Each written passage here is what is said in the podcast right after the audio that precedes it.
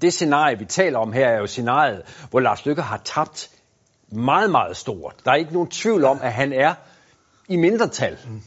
Men han kan så, fordi vi har en negativ parlamentarisme, teknisk set blive siden. Og det er jo derfor, der, Mette Frederiksen ja, Og der må man altså konstatere, at Venstres formand er dygtig til at altså næsten som et slangemenneske, kan man sige, og bøje sig og vride sig, og hele tiden formå at placere sig et sted, hvor det er gunstigt for ham selv. Og her i valgkampens begyndelse, ja, der har han også valgt at i virkeligheden kopiere, eller i hvert fald kan man sige, efter din Socialdemokratiets velfærdsudspil, og det har fået en meget, meget hård modtagelse for Liberal Alliances øh, for leder, Anders Samuelsen, som også er udenrigsminister, og ham fangede vi også på vejen. Han er også ude at føre valgkamp, og vi snak, fangede ham i bilen på vej mod Odense.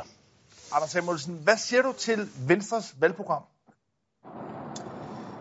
Jamen, jeg kan jo ikke sige ret meget andet end det, der står i deres egen valgannoncer, nemlig samme velfærd som Socialdemokratiet. Øh, det vil jo sige, at de har bare meldt sig ind stort set i Socialdemokratiet, og det er selvfølgelig lidt skuffende, fordi hvor bliver så den borgerlige værdikamp af i selve valgkampen? Jamen, kan, kan man opsummere det sådan, at øh, du for øjeblikket sidder i regeringen med et Socialdemokrati nummer to? Jeg tror mere, man kan sige, at det her det er et udtryk for, hvad der også er foregået de sidste to og et halvt år. Altså, vi har jo kæmpet en kamp fra, fra, fra hus til hus, fra dør til dør, og I har jo selv været vidne til det. Nogle gange har det været meget lidt kønt, fordi så er det også kommet ud i offentligheden. Øh, nu er vi i en valgkamp, og så har vi jo ikke rigtig øh, fat i håndbremsen længere, øh, så nu drøner de ud af. Men Anders Samuelsen, lad mig lige prøve at forstå det helt konkret. Altså, VLAK-regeringen er vel gået til valg sammen? Altså, går du ikke ja. til valg sammen med Venstre, eller, eller er det mig, der har misforstået noget? Jo, jo, det gør vi da. Men altså, Venstre har jo forladt kursen, kan man sige, i forhold til det, der står i regeringsprogrammet. Øh, og jeg står fast på det, som der står i regeringsprogrammet. Øh, og sådan er det. Men hvordan, øh, Venstre har valgt Hvordan kan man så, øh, undskyld jeg afbryder, hvordan kan man så tale om, at I er gået til valg sammen, når den, den ene af, af de tre partier så ifølge dig har forladt øh, det fælles projekt? Men det kan man jo godt, fordi det, det der bare er sket, det er jo, at, øh, at vi går til valg på, på at være tre forskellige partier, og det er jo fair nok. Øh, og så må vælgerne give os den styrke internt imellem de tre partier, som, som så kan være med til at afgøre, øh, hvad for en retning der er efterfølgende. Jeg synes, at de her to og et halvt år, hvor vi har siddet med de 7,5 procent af stemmerne, der kan man jo nu se, øh, hvad det egentlig er for en effekt, vi har haft. Vi har faktisk formået at sænke skatterne med 22 milliarder. Ja, vi har ikke fået alle de ting igennem, som vi gerne ville. Det er jeg sikker på, at I er fuldstændig bevidste om. Øh, men der er faktisk meget, som er lykkedes på trods af et massivt flertal i Folketinget, som øh, var imod for eksempel at sænke skatterne. Nu er der valgkamp. Øh, Venstre er klart ud, at det de går efter, det er at mene, øh, at man skal bruge hver eneste krone, der er også i råderummet øh, i den offentlige sektor, i stedet for at gøre det, som man burde gøre med råderummet, nemlig at føre det tilbage til borgerne. Det er jo borgernes for meget betalte skat, vi taler om. Man kan i hvert fald lidt til en diskussion af, hvor stor en del skal bruges i den offentlige sektor, og hvor stor en del kunne vi bruge til at føre tilbage til borgerne. Anders Samuelsen, Anders Samuelsen øh, Lars Løkke Rasmussen siger jo, at det her er et løfte. Han lover vælgerne, at der vil blive brugt 69 milliarder kroner på velfærd hen over de kommende øh, fem år. Hvis øh, Lars Løkke holder det, det løfte, kan, kan du så sidde i regeringen med ham efter valget? Altså, nu tror jeg ikke, jeg skal være særlig rådgiver i øh, løfter. Øh, det tror jeg ville være en dårlig idé, hvis jeg gik ind i det. Jeg kan bare sige, at øh, jeg har dårlige erfaringer med det der med at kravle meget højt op i træerne. Øh, så det vil jeg undlade selv at gøre. Jeg er jo endt med at være den eneste politiker i det her valg, øh, som ikke går til valg på ultimative krav. Og det gør jeg heller ikke nu. men Jeg går til valg på løfte om, at vi vil kæmpe så hårdt som overhovedet muligt for at holde styr på økonomien. Sørge for, at borgerne får øh, lidt bedre plads i deres egen økonomi, og at vi får brugt penge i den offentlige sektor på en mere fornuftig måde, end det vi gør i dag. Anders Samuelsen, der er mange vælgere, der efterhånden har svært ved at kende forskel på de forskellige partier, de forskellige blokke, og måske også svært ved at fornemme, om politikerne mener det.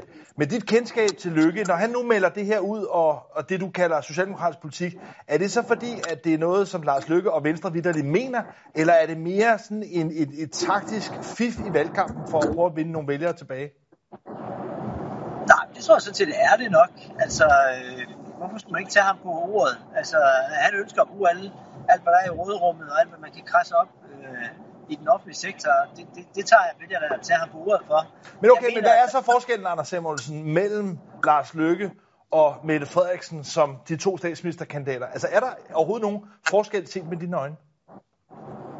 Der er stor forskel, hvem der sidder og holder fat i roret. Altså, jeg har brugt det billede, øh, med, når jeg fik besøg i min barndom af min farmor og farfar, de kom rullende i deres lille hvide øh, folkevogn, så var det jo godt nok min farfar, der sad bag rattet. Det kunne vi jo godt se. Men det var min farmor, der sad ved siden af og styrede og dirigerede, hvad for en retning han skulle køre i. Og hvis hun var gået ud af bilen, så er det helt klart, så vidste vi alle sammen godt, at så ville han køre i grøften. Så, så, så det er jo det, der er vores opgave. Okay, Anders Samuelsen. Så, så, ja, så du siger de her 7,5 procent, I fik sidste gang. Men det, der er sket i mellemtiden, det er, at I ser ud til at blive halveret. Liberale Alliance står til at tabe halvdelen af jeres mandater. Så bare lige for at forstå det, så, så det vil være, altså farmor kommer til at spille en mindre rolle fremover i hvert fald, ikke? Skal vi, skal vi ved en hat på, hvordan det kommer til at gå? Nej, det vil jeg ikke. Ej, Bare men det er rolig, fair. bare rolig. Jeg vil ikke presse dig ud over isen der, men hvad, prøv at høre. Vi tager det, som det kommer, og vi starter altid vores valgkamp i Liberale Alliance med at være lidt bagud. Ved du hvad, Anders? Ved du hvad, Anders? Jeg, jeg har det jo sådan, når du, når, du, øh, når du indbyder mig til vedmål, så plejer jeg gerne at svare dig. Jeg er frisk, hvis også du er frisk. Så lad os, øh, lad os tage et vedmål. Hvis, hvis jeg lover at spise en hat på, at du får over 7,5 pro, eller under 7,5 procent, så spiser du en, hvis I får under. Skal vi lave den aftale? Nej, jeg synes, at øh, du skal bare udgangspunktet for, for, for Lars, om vi bliver halveret eller ej. Så vi kan tage et vedmål om, vi bliver, vi bliver halveret eller ej. Okay. Uh, jeg, jeg, jeg, jeg, ja, men hvis, hvis, du hvis du er frisk, Anders, så er jeg også frisk. Skal vi tage den? Men prøv at høre, Anders Samuelsen. Jamen, jeg, jeg vil bare lige nu øh, have det til side. Lidt alvor tilbage. Burde det her ikke være jeres store chance, Samuelsen? Øh, I jeres sto- øh, det store regeringsparti Venstre ligner til forveksling Socialdemokraterne. Hvorfor står I ikke bedre, når I for alvor kan folde jer ud som dem, der vil den liberale vej?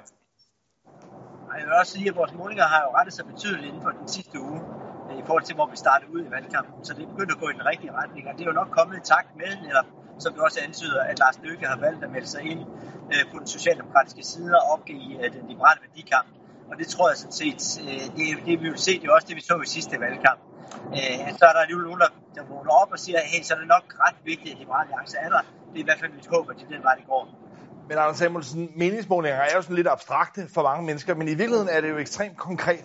Og i det, der hedder Københavns omegnskreds, hvor Joachim B. Olsen stiller op, ja, der ser det ud til, at I taber et mandat. Hvordan har du det med her, med starten midt i valgkampen, at Joachim B. Olsen, som har spillet en kæmpe rolle for jer, han står til at ryge ud af Folketinget? Men det tror jeg heller ikke, han gør. Altså helt ærligt, det er jo sådan nogle midtvejs evalueringer. Jeg kan huske valgkampen, der startede i 2011. Øh, der var den første måling, der kom, jeg tror det var en Nordstat-måling, den sagde, at vi fik øh, øh, øh hvad hedder det, 2,3 eller sådan noget, og jeg ville ikke blive valgt. Ikke engang som leder af partiet. Øh, altså, det gik jo sådan, at vi fik 5 procent. I sidste valgkamp, da den startede, da jeg startede vi på 5 procent, vi fik 7,5. Øh, jeg tager det stille og roligt. I stedet for det der med, åh, hvem er ude og hvem er inde. Vi kæmper, øh, og jeg tror på, at der er brug for os. Og hvis danskerne ikke mener det, så må vi jo bare tage det med. Anders Samuelsen, uh, tusind tak, fordi du vil være med her i uh, Borgen Late Night. Du må have en fortsat uh, god valgkamp, og hvis du kommer på andre tanker med det der vedmål, så ringer du bare, ikke? Ah, det var lige måde.